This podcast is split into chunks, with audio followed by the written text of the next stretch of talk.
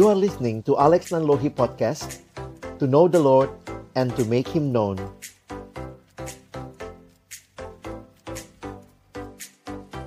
Mari saudara kita berdoa sebelum membaca merenungkan firman-Nya. Kami datang dalam ucapan syukur di hari perhentian yang kau berikan kepada kami. Terima kasih untuk kesempatan kami datang memuji memuliakan namamu ya Tuhan. Dan tiba waktunya bagi kami untuk membuka firman-Mu. Kami mohon ketika kami membuka firman-Mu, bukalah juga hati kami. Jadikanlah hati kami seperti tanah yang baik supaya ketika benih firman-Mu ditaburkan boleh sungguh-sungguh berakar, bertumbuh dan juga berbuah nyata di dalam hidup kami. Berkati baik hambamu yang menyampaikan semua kami yang mendengar. Tuhan tolonglah agar kami bukan hanya jadi pendengar-pendengar firman yang setia, tapi mampukan dengan kuasa pertolongan dari rohmu yang kudus. Kami dimampukan menjadi pelaku-pelaku firman-Mu di dalam kehidupan kami, di dalam keseharian kami. Bersabdalah ya Tuhan kami umatmu sedia mendengarnya. Di dalam satu nama yang kudus dan berkuasa. Nama Tuhan kami Yesus Kristus, Sang Firman yang hidup. Kami menyerahkan pemberitaan firman-Mu. Amin. Shalom. Selamat pagi Bapak Ibu Saudara yang dikasihi dalam Tuhan Yesus Kristus. Saya bersyukur kepada Tuhan untuk kesempatan yang diberikan dalam pelayanan hari ini dan juga berjumpa dengan jemaat Tuhan di tempat ini. Pagi hari ini di dalam tema yang diberikan kepada kita adalah sebuah pertanyaan yang tentunya bukan hanya kita dengar pagi ini, bukan hanya kita lihat judulnya Sudahkah kita bersaksi, tetapi mari kita menjawab pertanyaan ini. Ketika firman diberitakan, mari kita mengevaluasi kehidupan kita untuk menjawab pertanyaan yang sederhana tetapi sangat penting ini. Sudahkah kita bersaksi? Bapak Ibu Saudara yang dikasihi Tuhan, istilah bersaksi, istilah saksi ini juga ada di dalam kitab suci, di dalam Alkitab kita. Satu bagian firman yang saya akan uh, bagikan pagi hari ini, saya mengajak mari Bapak Ibu Saudara kita membuka di dalam kitab kisah para rasul. Yang punya Alkitab boleh dibuka, kalau tidak saya sudah tuliskan ayatnya. Kita akan membaca ayat 4 sampai dengan ayat yang ke-8. Kisah Rasul pasal yang pertama ayat 4 sampai dengan ayat yang ke-8 kalau Bapak Ibu Saudara memperhatikan ini adalah bagian sesudah Yesus bangkit. Maka 40 hari Yesus menampakkan diri kepada murid-muridnya. Dan sebelum dia naik ke sorga, inilah percakapan yang terjadi yang dicatat oleh Dr. Lukas di awal kitab kisah para rasul. Ya, Mari saudara kita membaca bergantian, saya baca ayat 4. Saudara baca ayat yang kelima, kita bergantian sampai dengan ayat yang kedelapan. Pada suatu hari ketika ia makan bersama-sama dengan mereka, ia melarang mereka meninggalkan Yerusalem dan menyuruh mereka tinggal di situ menantikan janji Bapa yang demikian katanya. Telah kamu dengar daripadaku?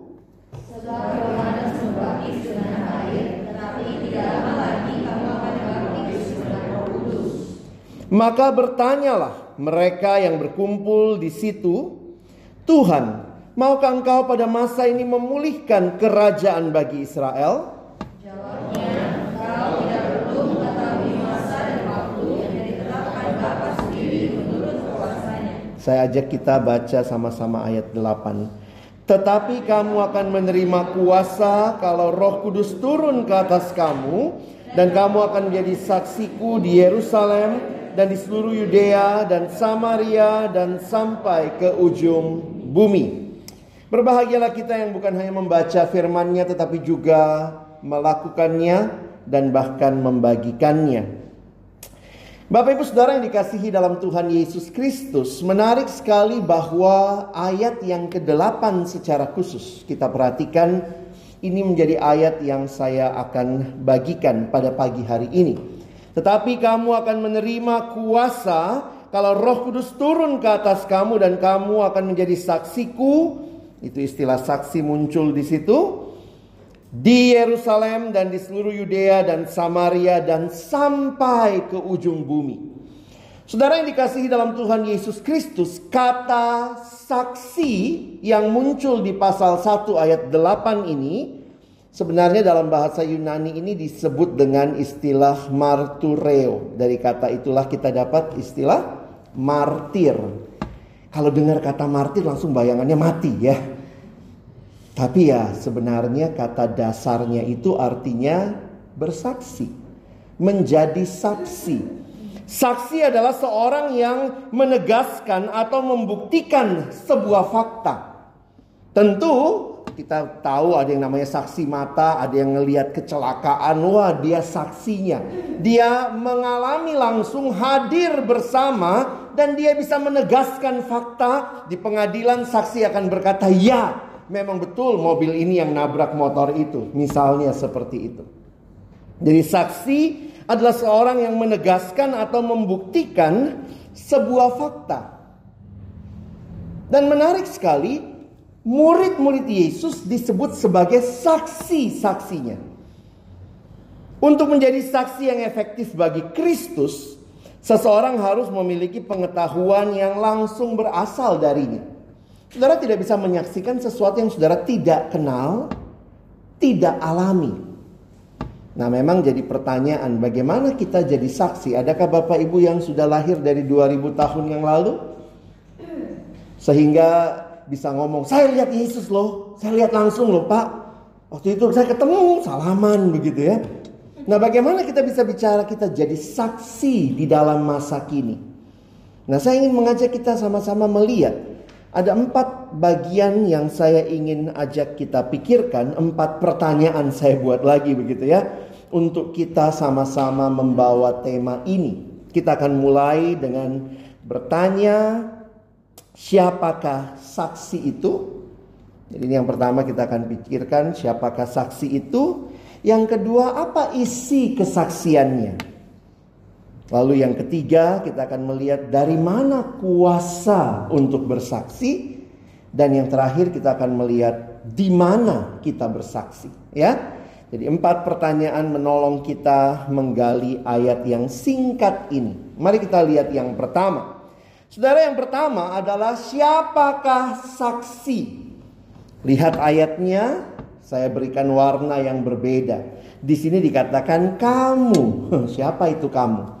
Kalau saudara memperhatikan bagian sebelumnya, ingat yang saya katakan tadi, ini adalah sesudah Yesus bangkit. Sebelum dia naik ke surga, 40 hari Yesus bersama dengan murid-muridnya. Dia mengajar mereka, dan percakapan yang terjadi yang kita baca ini adalah sebuah percakapan dengan murid-muridnya menjelang karena sesudah itu kalau Bapak Ibu perhatikan di kisah Rasul 1 ayat 9 dicatat Yesus naik ke surga. Ya. Sehingga siapakah kamu di sini? Tentu secara konteks kita melihat ini adalah murid-murid Yesus. Kenapa mereka bisa disebut saksi? Karena murid-murid ini adalah orang-orang yang mengenal Yesus secara langsung. Tadi kita sudah bicara, saksi itu menegaskan, iya betul, ini Yesus yang mati dan bangkit. Kalau saudara perhatikan, saksi dalam kekristenan adalah murid yang mengenal Yesus dan memperkenalkan Yesus. Nah, ini jadi hal yang penting untuk kita pahami di dalam konteks kita sekarang. Saudara tidak bisa jadi saksi Kristus kalau saudara tidak kenal siapa Yesus. Bagaimana kita bisa kenal ya kita harus punya relasi dengan dia dan relasi itu yang memastikan kita sudah di dalam Kristus, Kristus di dalam kita dan kemudian kita pun menjadi pribadi yang memperkenalkan Kristus. Mungkin kalau saudara baca bagian ini, oh Pak Pendeta itu kan kisah Rasul pasal pertama, itu kan Rasul-Rasul. Berarti kamunya di sini Rasul-Rasul dong. Betul saudara, memang kisah Rasul pasal pertama lebih khusus kepada rasul-rasul. Tapi jangan lupa ketika itu ada kurang lebih 120 orang yang dikatakan berkumpul bersama. Nah di dalam kesaksian lain dalam bagian kitab kisah Rasul. Kalau Bapak Ibu perhatikan di pasal yang ke-8.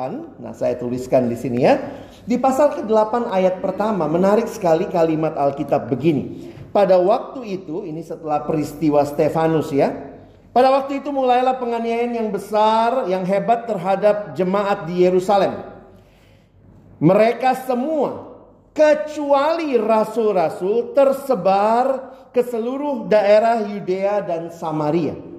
Bapak Ibu perhatikan, rasul-rasul tetap di Yerusalem, lalu tersebarlah mereka. Siapa mereka? Pasti berarti semua jemaat selain rasul ya. Karena rasulnya kan tinggal di mana? Di Yerusalem. Dan perhatikan catatan Lukas di ayat yang keempat. Kita baca sama-sama ya. Satu dua ya. Mereka yang tersebar itu menjelajah seluruh negeri itu. Siapakah mereka ini? Bukan rasul saudara. Karena itu kalau kita bicara bahwa oh yang jadi pemberita Injil, yang bersaksi itu tugasnya pendeta, hamba Tuhan, cuan tahunnya. Oh saya mah jemaat biasa, bukan bagian saya. Tidak. Kesaksian kitab kisah para rasul bahkan menegaskan kepada kita bahwa orang-orang yang tersebar itu, yaitu mereka jemaat yang bukan rasul, bahkan mereka pun tersebar dan memberitakan Injil menjadi saksi Allah. Sehingga kalau kita menjawab pertanyaan tadi, siapakah saksi? Adalah setiap kita yang sampai hari ini juga, saudara dan saya, yang sudah mengenal Yesus. Yang di dalamnya kita boleh mengalami perjumpaan pribadi. Mungkin Bapak Ibu Saudara bilang, Pak, saya tidak hadir 2000 tahun yang lalu. Tapi jangan lupa, kehadiran roh kudus dalam hati kita membawa kita ke dalam pengalaman dipersatukan dengan Kristus. Ini unik. Apakah Bapak Ibu hadir di dekat salib 2000 tahun yang lalu? Siapa yang membawa kita bisa tahu peristiwa salib itu? Tentu waktu kita baca firman, tentu ketika Roh Kudus bekerja, maka kita mengalami perjumpaan dengan Kristus yang melampaui waktu. Sehingga kita bisa jadi saksi, bisa. Kita bisa disebut saksi, bisa. Karena kita telah mengalami perjumpaan pribadi dengan Kristus melalui firman dan roh kudus. Dan itu membawa kita yang sudah mengenal Yesus. Kita dipanggil memperkenalkan Yesus.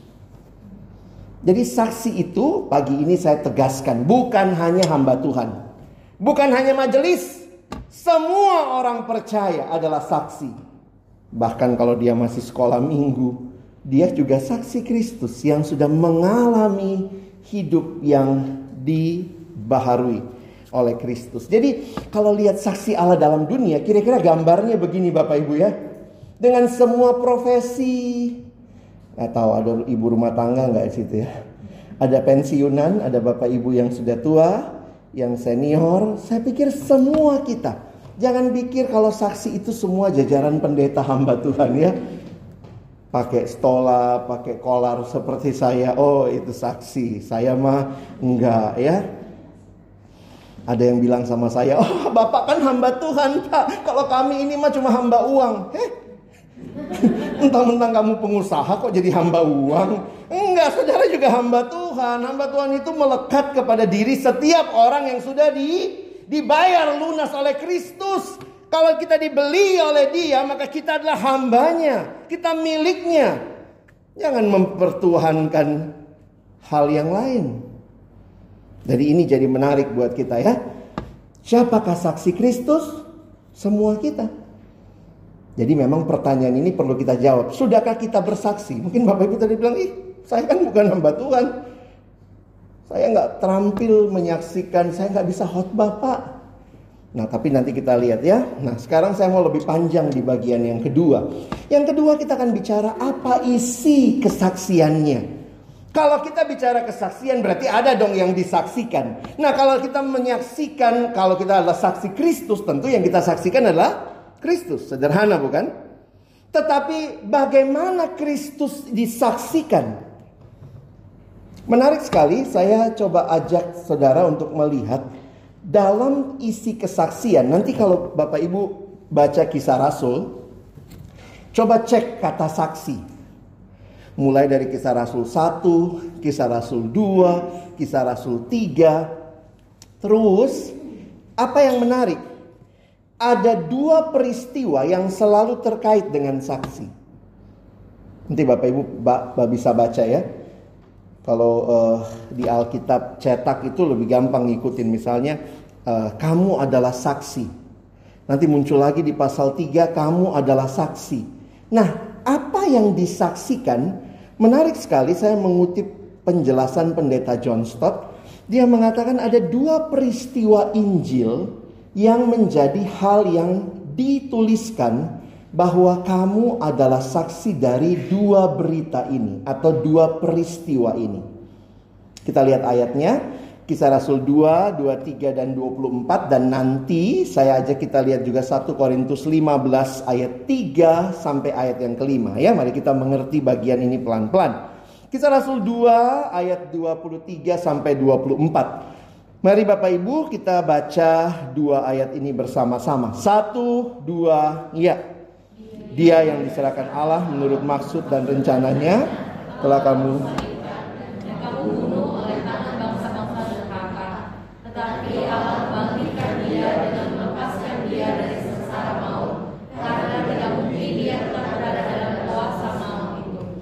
Perhatikan setiap kali dikutip tentang Yesus kan kita bilang siapa yang disaksikan apa isinya ya pasti Yesus ya. Tetapi bagian mana yang secara khusus dikaitkan dengan Yesus adalah bagian kematian dan kebangkitan. Saya kasih keluhnya begini ya. Kalau Bapak Ibu bilang pemberitaan Injil, apanya yang kita beritakan? Yesusnya kan? Nah, Yesusnya bagian mananya? Apakah kita akan ceritakan mulai dari dia lahir, dia besar, dia pelayanan. Nah, di dalam clue yang kita dapat dari Alkitab, sebenarnya semua itu penting. Tentu Yesus penting dari dia lahir ya sampai dia mati. Tetapi fokus berita Injil adalah kepada Yesus yang mati dan bangkit. Kenapa? Karena kalau cuma diceritakan bagaimana dia lahirnya, dia mengajarnya, maaf. Tokoh agama lain juga lakukan itu ya. Nabi M lakukan itu, Buddha melakukan itu. Jadi kita bisa lihat kalau cuma yang dikutip adalah ajarannya. Oke. Okay. Tapi peristiwa yang unik adalah kematian dan kebangkitan Kristus. Unik ini ya. Perhatikan kalimat Paulus di 1 Korintus 15 ayat 3. Sebab yang sangat penting telah kusampaikan kepadamu apa itu yang sangat penting? Yaitu apa yang telah kuterima sendiri. Ialah bahwa Kristus telah mati karena dosa-dosa kita sesuai dengan kitab suci. Bahwa ia telah dikuburkan dan bahwa ia telah dibangkitkan pada hari yang ketiga sesuai dengan kitab suci. Bahwa ia telah menampakkan diri kepada Kefas dan kemudian kepada kedua belas muridnya. Saudara yang dikasihi Tuhan, fokus yang diberitakan adalah Yesus yang mati dan bangkit.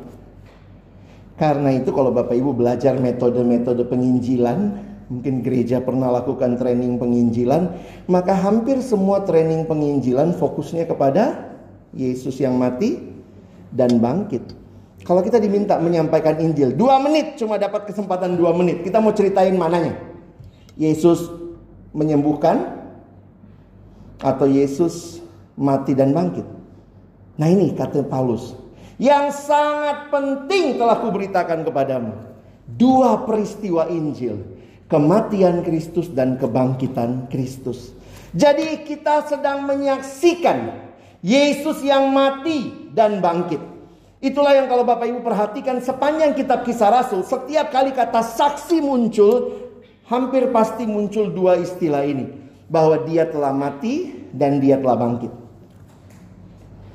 Jadi menarik ya, pengalaman Yesus yang mati dan bangkit itu menjadi isi kesaksian kita. Jadi mungkin Bapak Ibu nanya, oh kalau saya bersaksi Pak Pendeta, berarti saya mesti ngomong, saya percaya pada Yesus yang mati dan bangkit. Bagaimana hal ini kita saksikan? Apakah kita harus jadi pemberita Injil yang bicara khotbah? Saya melihat ada perspektif lain yang Paulus berikan. Kita lihat ayat ini ya. Nah, di dalam Roma pasal 6, saya coba jelaskan sebentar ayat ini. Paulus bicara, siapa yang mati? Yesus mati, Yesus bangkit ya. Sekarang perhatikan. Karena kita tahu bahwa Kristus sesudah ia bangkit dari antara orang mati, tidak mati lagi. Maut tidak berkuasa lagi atas dia. Sampai situ jelas? Lihat ayat 10. Sebab kematiannya adalah kematian terhadap dosa. Satu kali untuk selama-lamanya. Dan setelah Yesus mati dia ngapain? Bangkit karena dia bangkit dia hidup. Maka kehidupannya adalah kehidupan bagi bagi Allah. Yesus mati bagi dosa terhadap dosa, hidup bagi Allah. Mati bangkit. Mati terhadap dosa, bangkit hidup bagi Allah. Jelas ya? Sekarang lihat Paulus tarik kesimpulan. Kalau Bapak Ibu percaya pada Yesus yang mati dan bangkit, apa hubungannya dengan hidup kita? Lihat kalimatnya.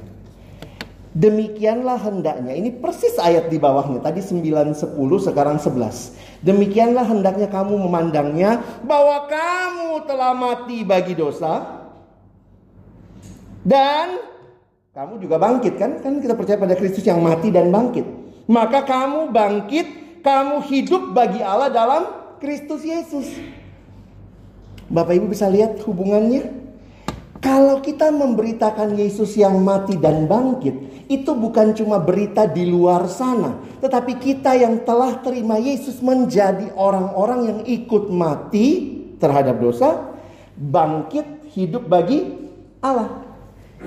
Jadi saya mau tanya, apa isi berita yang kita saksikan? Yesus yang mati dan bangkit. Tetapi Yesus mati dan bangkit itu telah menjadi kehidupanku. Maka berita paling utama adalah melalui hidup Bapak Ibu yang telah mengalami Yesus mati dan membangkitkan Bapak Ibu sekalian. Betul berita utamanya Yesus. Tetapi dari mana orang lihat Yesus itu yang katanya mati dan bangkit? Paulus bilang lihat hidupmu. Ketika hidup saudara dan saya telah mengalami hidup yang baru. Dulu cinta diri, titiriri, mati-matian buat diri sendiri. Sekarang semuanya untuk kemuliaan Allah. Jadi saya makin sadar waktu persiapan ini ya. Seringkali kita pikir Yesus itu sesuatu yang kita jadikan objek untuk kita beritakan. Wah ini Yesus loh, ini Yesus loh. Tapi Yesus mau bilang apa lewat Rasul Paulus? Bukan hanya ini Yesus, tetapi ini hidupku yang sudah diubah oleh Yesus. Makanya ada yang suka ngomong gini, Allah ngapain salibnya besar, ngomongnya rohani, minggu ke gereja, tapi sehari-hari di rumah marah-marah, maki-maki, pukul-pukul gitu ya. Kenapa? Karena seharusnya kesaksian itu menjadi hidup yang kita jalani Itulah berita yang sedang saudara dan saya bawa. Dari mana orang lihat Yesus? Yesus nggak semua orang ke gereja kan? Makanya unik tuh. Ketika reformasi terjadi, ini salah satu polanya Martin Luther katanya. Ketika reformasi terjadi, Martin Luther menutup gereja pada hari Senin sampai Sabtu. Kalau Bapak Ibu pernah ke gereja Katolik, gereja Katolik itu terbuka setiap hari bisa masuk. Gereja di sini nggak terbuka kan, dibukanya hari Minggu doang biasanya. Hari lain nggak bisa orang masuk sembarangan gitu. Kalau gereja Katolik, coba Bapak Ibu pergi ke semua gereja Katolik itu bisa masuk kapan aja. Mau masuk jam berapa malam juga datang datang aja. Mau bilangnya apa? Bilang mau doa. Martin Luther tutup pintu gereja hari Senin sampai Sabtu. Karena dia bilang bukan hanya orang datang ke gereja, tapi gereja yaitu Bapak, Ibu, Saudara dan saya harus hadir ke dalam dunia. Di situ kehadiran kita. Karena beritanya adalah Bapak Ibu Saudara jadi saksi di mana kita diutus. Kenapa? Saksinya apa? Ih, hidup yang diubahkan. Saya tuliskan begini ya.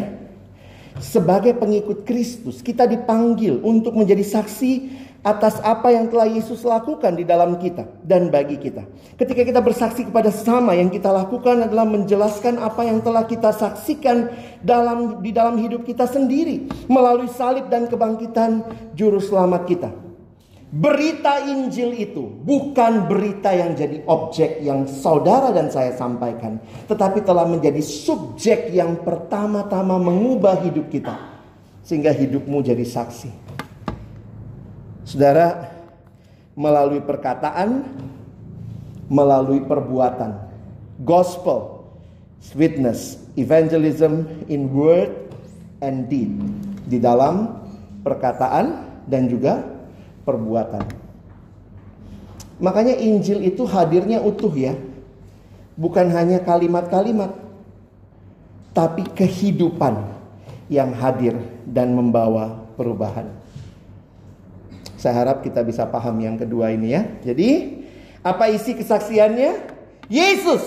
Tapi lebih jauh lagi, hidupku yang telah diubah Yesus. Itulah berita yang kita saksikan. Makanya kalau dalam banyak metode penginjilan biasanya disuruh bikin kesaksian. Kesaksiannya sederhana. Siapa kamu sebelum kenal Yesus? Kapan kamu kenal Yesus? Lalu bagaimana hidupmu setelah mengenal Yesus? Bapak Ibu kalau belajar metode penginjilan apa misalnya? Evangelism explosion. Maka disuruh sebelum menjelaskan Yesus mati dan bangkit, maka mulai dengan kesaksian bahwa siapa kamu sebelum kenal Tuhan Kapan kamu kenal Tuhan dan bagaimana hidupmu sekarang? Dulu saya rajin sekali judi. Saya kenal Tuhan, Tuhan ubahkan. Sekarang saya sudah bisa bahkan memberi kepada orang lain. Kalau judi mulu kan pasti uangnya habis terus ya, boro-boro ngasih persembahan. Boro-boro nolong orang. Tapi waktu dia berhenti judi, Yesus ubah hidupnya. Sekarang dia bahkan bisa nolong orang, berbagi, jadi berkat. Nah, orang akan lihat ini dari mana kok bisa begitu?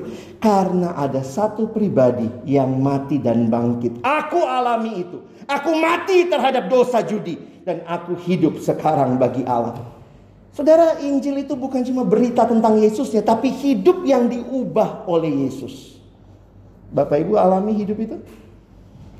Ayo saksikan. Dulu saya seperti apa? Saya kenal Tuhan. Sekarang saya seperti apa?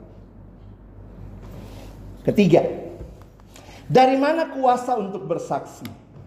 Menarik sekali di dalam ayat ini, perhatikan kata yang dipakai. Tetapi kamu akan menerima kuasa kalau Roh Kudus turun ke atas kamu. Jadi kuasa untuk bersaksi itu bukan karena pengutusan hamba Tuhan, bukan karena kita tim penginjilan, bukan karena kita disuruh, tetapi karena kuasa Roh Kudus yang hadir.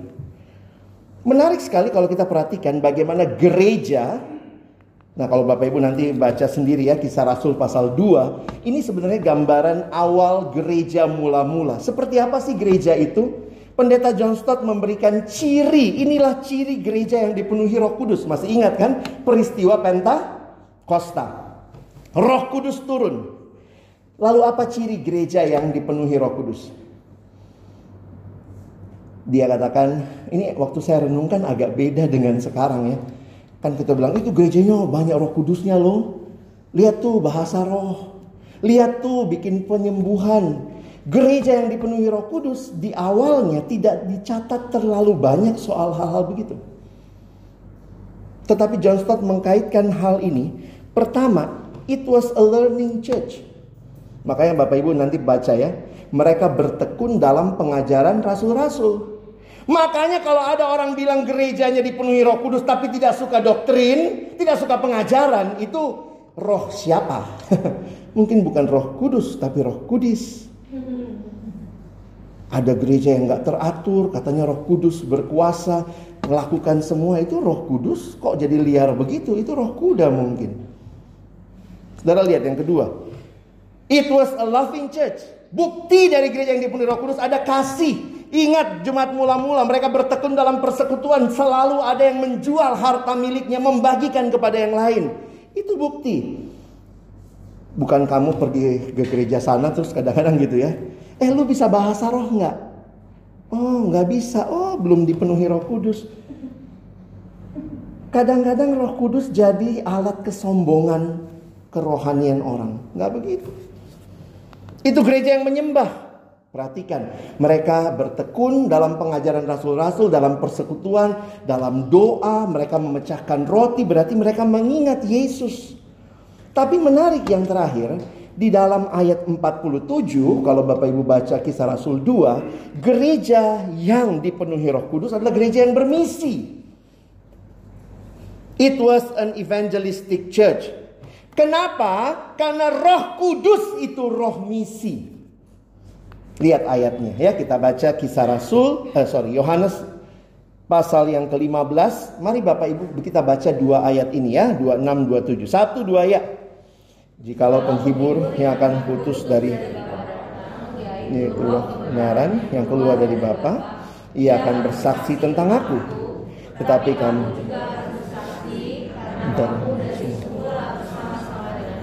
Roh Kudus itu roh yang bersaksi.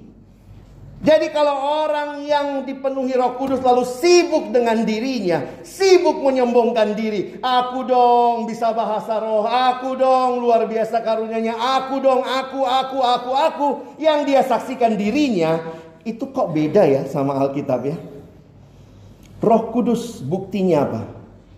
Kehadirannya. Ada orang-orang yang didorong untuk bersaksi. Makanya saya kadang pergi ke gereja yang tenang seperti gereja saudara gitu ya. Tenang. Pertanyaannya ada Roh Kudus nggak di sini? Hmm? Ada. Kok tenang? Karena kita bayangannya apa? Kalau Roh Kudus ada, harus heboh, harus meriah. Itu Roh Kudus. Kadang-kadang saya mikir gitu ya. Bukan berarti saya menolak kalau orang menikmati sukacita seperti itu, tapi bukti yang lebih utama adalah apakah ada hidup yang bersaksi itu ciri dipenuhi Roh Kudus. Bukan masalah karunia roh, tetapi masalahnya adalah buah roh. Orang yang makin sabar, makin mengasihi, makin remah rembut, makin ramah sama satu sama yang lain. Jadi kalau di sana iri-irian, Ya kadang orang Kristen gitu ya, lihat gereja lain gitu, ah gereja lu kurang roh kudus. Yang satu bilang daripada lu kebanyakan. ini memang susah kita ini ya. Aduh. Mari kita tidak saling menghakimi, tapi menghidupi apa artinya dipenuhi roh kudus. Makin menyembah Tuhan, makin mengasihi, makin peduli dengan sesama, makin hidup bersaksi, itu namanya dipenuhi roh kudus seorang bishop. Namanya uh, sorry ya ini dia. Bapak William Temple. Dia bilang begini tidak ada yang bisa memiliki atau bilang uh, lebih tepatnya didiami roh dan menyimpan roh itu untuk dirinya sendiri. Nggak begitu. Di mana roh berada di situ dia mengalir keluar. Jika tidak ada aliran keluar dia tidak ada. Roh kudus itu roh misi Makanya ada yang bilang sebenarnya kisah rasul itu bukan kisahnya para rasul. Lebih tepat disebut kisahnya roh kudus. Karena rasulnya kan ganti. Pasal 2 sampai pasal 10 itu Petrus. Nanti mulai ke depan pasal 13 Paulus. Rohnya sama. Yang pimpin Petrus, pimpin Paulus. Makanya ada yang mengusulkan gantilah bukan kisah para rasul. Kisah roh kudus melalui para rasul. Rasul berganti, bahkan sudah tidak ada rasul secara jabatan, tetapi saudara dan saya yang saat ini dipenuhi Roh Kudus, kita harusnya hadir dan bersaksi. Roh Kudus tidak hanya membawa kita masing-masing menjadi lebih serupa dengan Yesus, itu memang pekerjaan Roh Kudus ya. Tetapi pada saat yang sama Roh Kudus juga membaharui kita, memberi kita kuasa untuk menjadi umat Allah yang bersaksi ke mana pun kita pergi. Roh Kudus pertama-tama bentuk hidup kita makin mirip Yesus. Itu internal ya. Tapi Roh Kudus nggak cuma kerja internal, dia mendorong kita untuk memperkenalkan Yesus. Makanya Bapak Ibu kalau kita melihat hal seperti ini, biarlah kita boleh jadi pribadi-pribadi yang makin mencintai Tuhan dan makin hidup bagi Dia. Terakhir, di mana bersaksi? Waduh, Bapak Ibu mesti ke Yerusalem ini ya. ke tanah suci katanya. Kalimat Yesus di Yerusalem, di seluruh Yudea dan Samaria dan sampai ke ujung bumi. Puji Tuhan bahwa ini kan buat para rasul. Jadi memang mereka waktu itu di mana? Di Yerusalem. Bapak Ibu coba lihat, Yerusalem itu nama apa? Nama kota. Yerusalem terletak di provinsi apa? Provinsi Yudea. Provinsi tetangganya apa? Samaria. Sampai ke ujung bumi. Jadi Yesus sangat aware GPS-nya jalan nih Yesus ya. Kamu jadi saksi di mana? Jangan mulai begitu pulang gereja saya mau jadi saksi Pak di Afrika. Eh, tunggu dulu. Di kamarmu ada istri, ada suami, di rumah tanggamu. Di mana Yerusalem Saudara? Jangan jauh-jauh dulu ke Afrika lah. Pak, saya terpanggil Tuhan nih. Mau jadi misionaris ke suku apa pedalaman Papua ya mungkin itu Tuhan bisa genapkan ke depan. Tapi mulai dari mana? Di mana Yerusalem? Saudara lihat ya ini Yerusalem di sini nih. Kelihatan nggak ya? Ya Bapak Ibu lihatlah Yerusalem itu nama kota. Ada di provinsi Yudea. Provinsi tetangganya namanya Samaria. Di mana ujung bumi? Aduh di mana ujung bumi ya menurut para penafsir Alkitab kitab Roma, eh, kitab Kisah Rasul ini kan bermula di Yerusalem, Kisah Rasul 2, berakhir di Kisah Rasul 28. Nah, pada waktu itu peta waktu itu, peta waktu itu memang ujungnya adalah Roma. Lihat nggak? Ujung buminya itu Roma ya. Lihat Yerusalem paling kiri bawah, eh kanan bawah. Roma yang kayak sepatu bola itu paling kiri atas. Jadi beberapa penafsir mengatakan ujung bumi yang dimaksud oleh Lukas yang dia catat dari kalimat Yesus dimengerti dalam konteks waktu itu. Kitab Roma, eh sorry, kitab Kisah Rasul pasal 28 itu Injil sampai di mana? Nanti Bapak Ibu lihat di rumah ya. Kisah Rasul 28 itu sampai di Roma. Kisah Rasul 2 Injil di mana? Di Yerusalem. Kisah Rasul 8 Injil di mana? Samaria sampai ke ujung bumi. Nah, kita sekarang nggak bicara geografis ya, tapi ini kita bicara mulai dari tempat yang paling dekat. Makanya ada penafsiran kita bilang, di mana ujung bumi? Tepat di mana kakimu berdiri, di situ ujung bumimu. Bapak Ibu jadi saksi mulai dari mana? Dari tempat di mana kita hadir. Makanya penafsir lain bilang begini, sampai ke ujung bumi, ungkapan ini menandakan pewartaan Injil kepada semua orang di mana pun mereka berada. Dulu yang datang misionaris dari luar ke Indonesia ya, sekarang Indonesia udah mulai kirim misionaris ya. Dulu misi itu from the west to the rest. Sekarang misi itu apa? From everywhere to everywhere. Makin menggenapkan kisah Rasul ini. Mulai dari Yerusalem ke mana pun. Di mana hadir? Ya di mana orang membutuhkan Injil. Bahkan buat generasi muda, ini nggak banyak yang terlalu muda ya. Tapi yang muda-muda, di mana duniamu? Saya mikir gitu. Yesus bilang, jadilah terang dunia. Anak sekarang ini dunianya nih, dunia maya. Makanya posting yang bagus ya. Anak remaja posting gitu, cuman apa uh, kalimatnya saya bingung ini sekolah tinggi-tinggi kok cuma bisa beberapa huruf A, R, G, H, A gitu ya.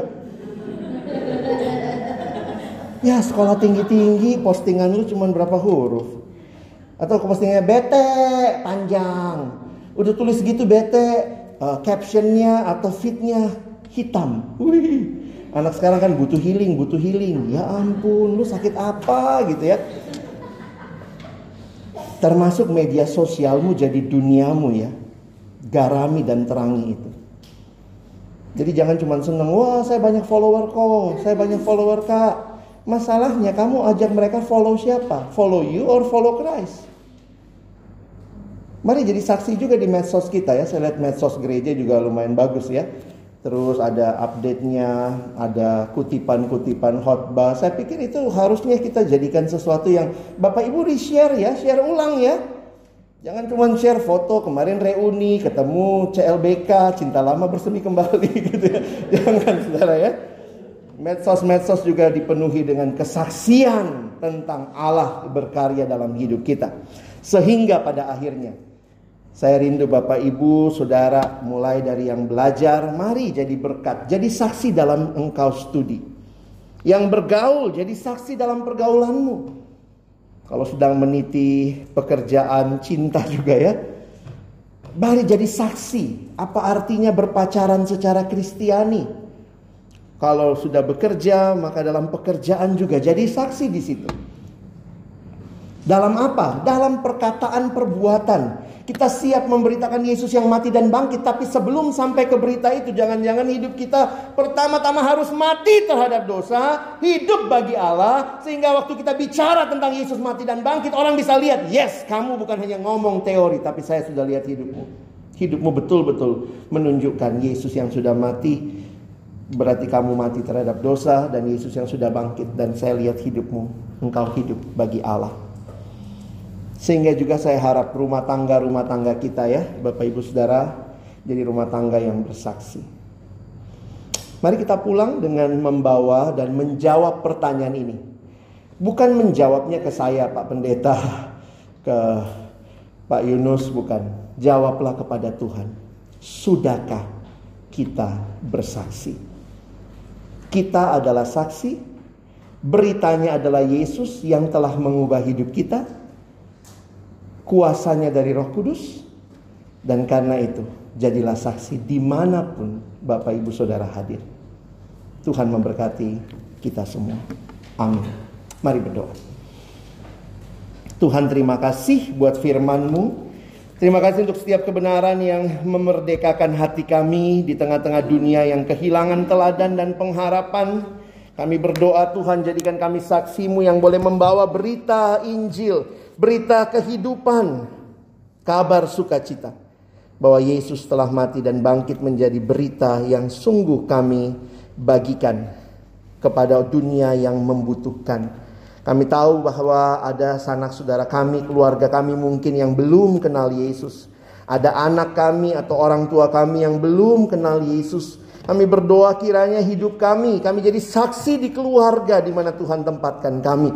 Kami boleh mengasihi mereka, boleh terus memberitakan Injil kepada mereka. Dan termasuk juga di tengah kehadiran kami di masyarakat, di pekerjaan. Biarlah kehidupan kami jadi kehidupan yang memperkenalkan Yesus. Karena kami adalah orang-orang yang telah mengalami perjumpaan dengan Kristus. Terima kasih. Biarlah gereja kami dipenuhi roh kudus karena kami adalah orang-orang yang boleh mengalami karyamu dan bukti nyata adalah kami makin mencintai Tuhan, makin memperkenalkan Tuhan. Terima kasih, kami bersyukur untuk firman-Mu. Tolong kami bukan cuma jadi pendengar, tapi jadi pelaku-pelaku firman-Mu. Dalam nama Yesus kami bersyukur. Kami berdoa. Amin.